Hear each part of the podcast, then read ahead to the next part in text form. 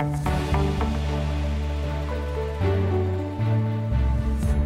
og velkommen til Pengetre. Det er Nordeas podkast om privatøkonomi og sparing.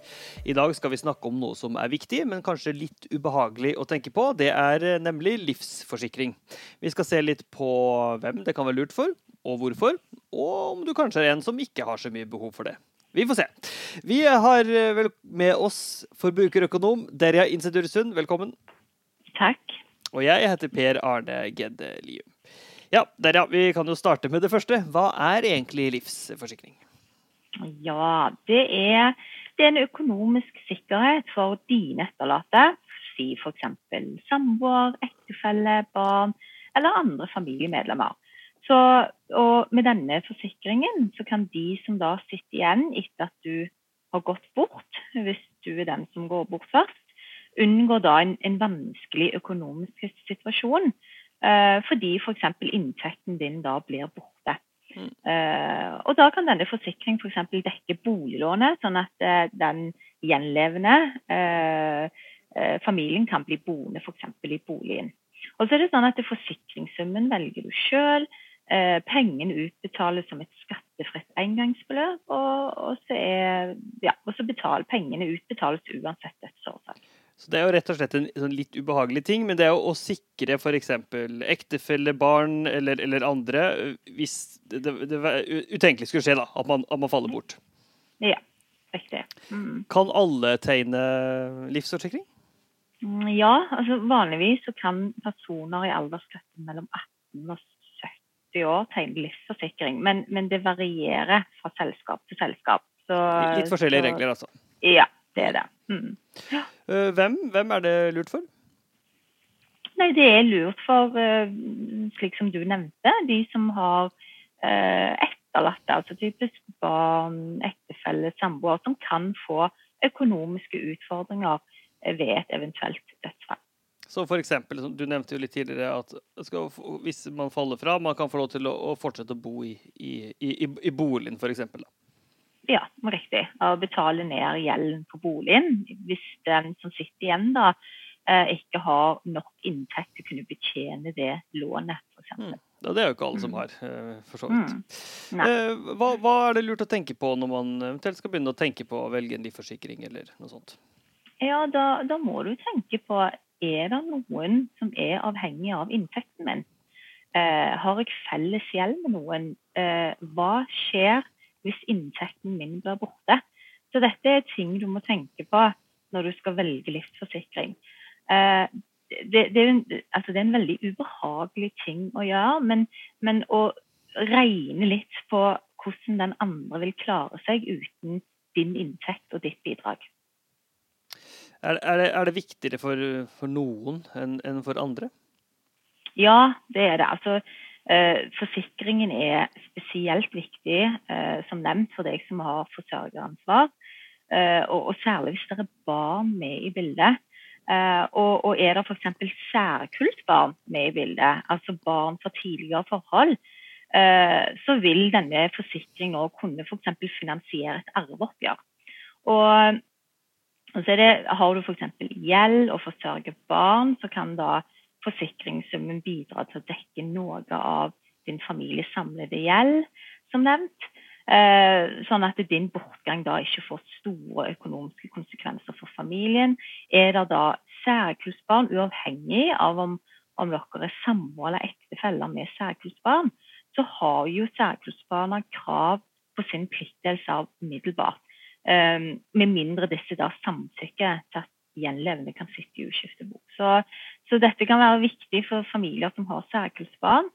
Um, F.eks. to som har gifta seg på nytt, og, og, begge har barn fra tidligere ekteskap. For eksempel. Hvis den ene faller bort, så mener at barna ja. til den personen har egentlig krav på arven sin. Så man, for å få løst det her på en litt sånn god måte, da, så kan det være lurt å ha en livsforsikring. Ja.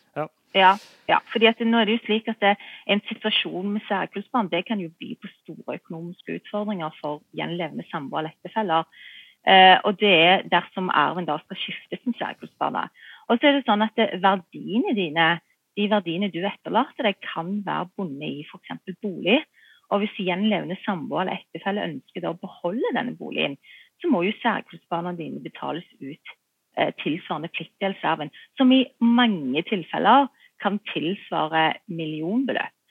Uh, og det er jo ikke sikkert at den gjenlevende har dette beløpet lett tilgjengelig til utbetaling. Uh, og, og, hvis din livsforsikring da begunstiger din samboer ektefelle, så kan denne forsikringssummen da bidra til at skiftet med særkullsbarna ikke ruinerer den gjenlevendes økonomi. økonomi da.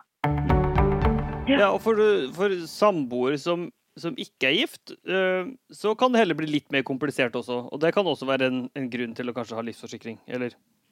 Ja, for samboere som ikke er gift, samboere de er ikke gift. Så, ja, så har, du, har, du, en samboer, altså har du og samboeren din eh, felles lån, så igjen så kan jo forsikringssummen sikre at den gjenlevende får mulighet til å beholde boligen.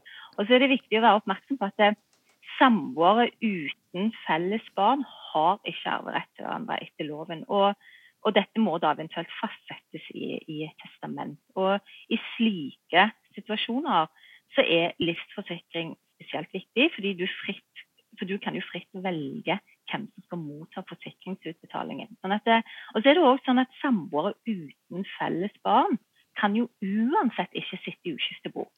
Og selv om særkullsbarna skulle samtykke til dette. Hmm. Er det noen som ikke har så stort behov for eh, livsforsikring? Ja, altså Noen har jo gode forsikringsordninger gjennom arbeidsgiver. Eh, så her anbefaler jeg at du undersøker dette. Eh, er du f.eks. For forsikra gjennom jobben, så kan det være lurt å sette seg inn i vilkårene, sånn at du er klar over eventuelle ja, reservasjoner og hvem som har rett til utbetaling. For så kan det stilles krav til at det må være femårig samboerskap for at samboeren din skal få utbetalt et eh, forsikringsbeløp.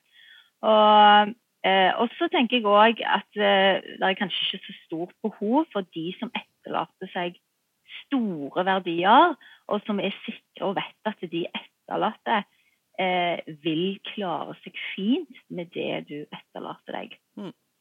Mm. Er det noen andre forsikringer som er lurt å tenke på, som er litt sånn ikke nødvendigvis død, men litt i samme, altså samme gata, skal jeg si? Ja, det er Altså, du, har òg forsikringer som kan eh, gi trygghet ved eh, alvorlig sykdom og, og arbeidsuførhet. Og, og, dette her er like relevant for yngre arbeidstakere som eldre.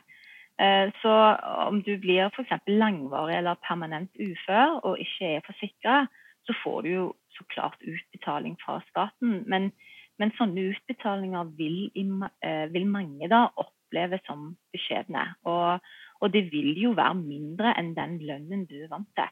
Eh, så selv om, vi, altså selv om vi har et raust velferdssystem i Norge enn i mange andre land, for det har vi, så vil uførheten uten ja, ekstra forsikring ofte innebære en stor reduksjon i din inntekt. Så, og igjen så må du regne litt på det. Og, og, se på hvordan den økonomiske situasjonen din hadde sett ut om du mista din nåværende inntekt pga. sykdom eller uførhet, og se om du likevel vil klare deg økonomisk.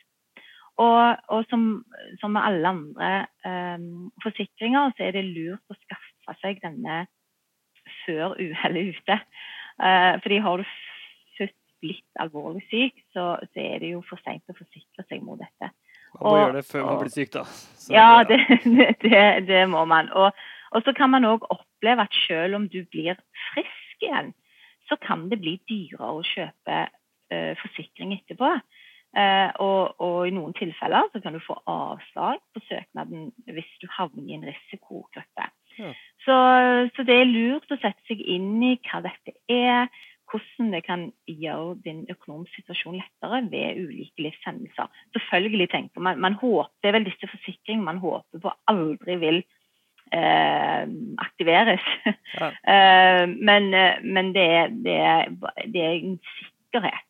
Eh, men igjen, det, undersøk eh, hvor eh, gode forsikringsordninger du har òg gjennom arbeidsgiver. Mm. Det kan du òg ha.